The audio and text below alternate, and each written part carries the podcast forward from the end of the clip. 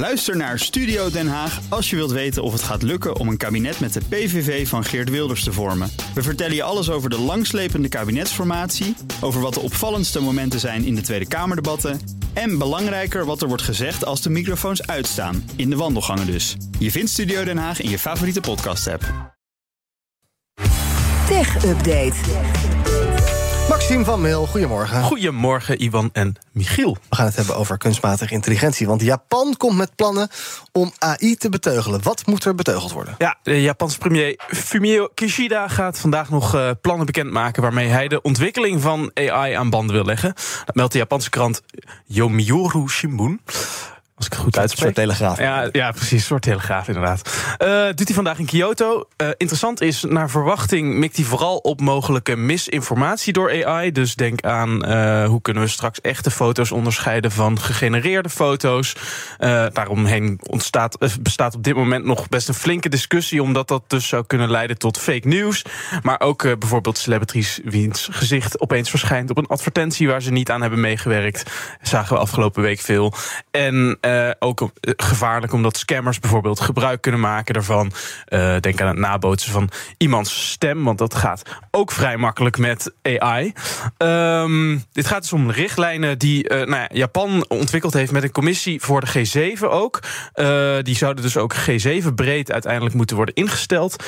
blijft nog wel bij een voorstel, dus dat moet, of dat ook gehanteerd gaat worden. nou ja, er gaan eerst nog wat stemmingen en, en tijd overheen. maar ja, Japan komt hiermee want uh, zij hebben de leiding genomen in het opstellen van deze richtlijnen een paar maanden terug tijdens de G7-top destijds in Kyoto ook.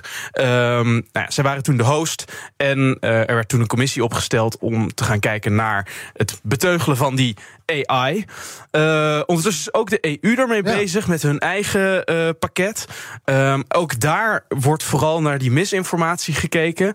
Uh, commissievoorzitter Vera Jourova zegt ook vandaag al tegen Reuters dat ze veel overeenkomsten ziet in de richtlijnen waar Japan vandaag mee komt.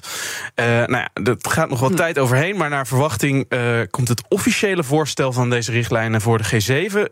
die komt dan weer in de herfst uh, op de top. Ja, het, VK, het VK wil geloof ik ook wel een soort voorloper worden op AI. En, ja, ja, ja de EU die aan de AI-wet Act uh, werkt. Ja. Dus er is inderdaad de strijd tussen de bedrijven die het aan het ontwikkelen zijn, maar ook tussen uh, ja. overheden. Iedereen, iedereen wil het, het, het eerste zijn om, om maar te laten zien. Ja, om te laten zien dat zij het, de macht in handen hebben. Misschien moeten die eens met elkaar praten. Dat zou ook wel handig zijn. Dan gaan we naar Red Light. Ik ken het niet. Um, daar is een, is een platform en daar is een lek geconstateerd. En Red Light, de naam suggereert het al een beetje. Het is geen forum voor liefhebbers van uh, stoplichten. Nee, inderdaad. Ander soort rode het, het, het, zijn andere soorten rode licht. Ja. Het is een prostitutieplatform. Ja. Uh, en het is een van de grootste. Uh, als, nou, naar eigen zeggen zijn ze de grootste van de Benelux. Mm -hmm. het is een bedrijf in Belgische handen. en ze zijn slachtoffer van een hack. dat meldt RTL Nieuws. Daardoor zijn gegevens van 415.000 geregistreerde gebruikers niet meer veilig. De hacker dreigt de data zelfs te gaan verkopen aan de hoogste bieder op het dark web. Oké, okay, gaat het om klanten of om prostituees? Uh, om beide. Okay. Uh, het gaat om uh, 415.000 accounts, uh, waarvan 130.000 actief, geloof ik. naar eigen zeggen van dat bedrijf. En dan is het een derde daarvan zijn prostituees. En iets van 87.000, als ik me goed herinner, -huh.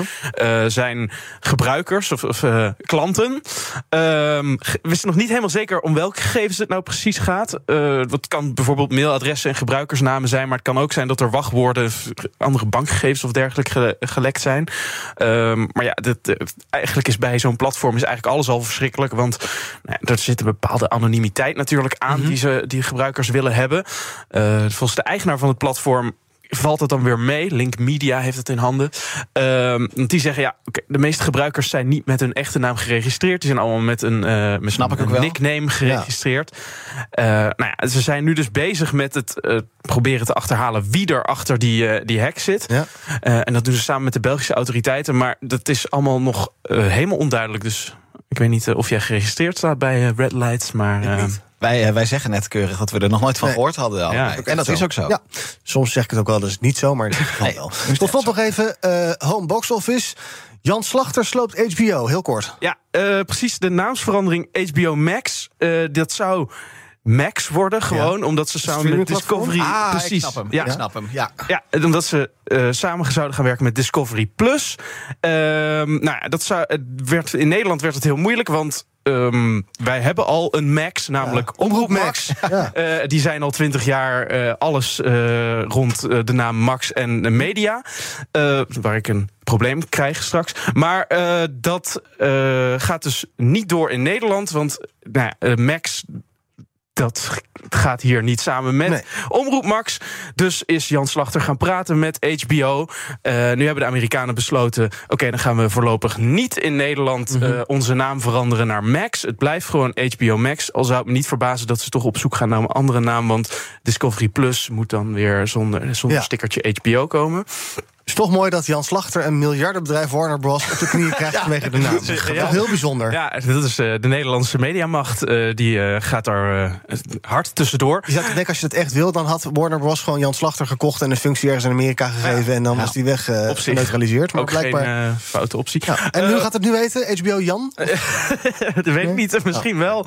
Ja, dus, maar uiteindelijk, voor ons maakt het niet superveel uit. Al kan het misschien nog wel voor de mensen die helemaal aan het begin HBO Max hebben aangeschaft wat uitmaken. Uh, want die hebben le een levenslange korting gekregen om maar 3 euro te betalen voor een abonnement. Nu ligt die prijs op zo'n 8 euro. Uh, maar dat zou zomaar. Uh, dus dat mag dan dus voorlopig blijven. Andere landen hebben daar wat problemen mee. Want nu het max wordt, gaat die levenslange korting er waarschijnlijk uit. In Nederland dus voorlopig niet. Vanaf januari 2024 in de rest van de EU. Maar bij ons blijft het voorlopig gewoon HBO Max. En blijft waarschijnlijk ook de levenslange en Omroep Max blijft ook Omroep Max. En Omroep Max blijft okay. ook Omroep Max. En jij blijft ook gewoon Maxime? Ik, ik, blijf ook gewoon Maxime, ja. Alles blijft hetzelfde. Dankjewel. De BNR Tech Update wordt mede mogelijk gemaakt door Lenklen. Lenklen. Betrokken expertise, gedreven resultaat. Ook Bas van Werven vind je in de BNR-app. Ja, je kunt live naar mij en Iwan luisteren tijdens de ochtendspits. Je krijgt een melding van Breaking News. En niet alleen onze podcast Ochtendnieuws, maar alle BNR-podcasts vind je in de app. Download nu de gratis BNR-app en blijf scherp.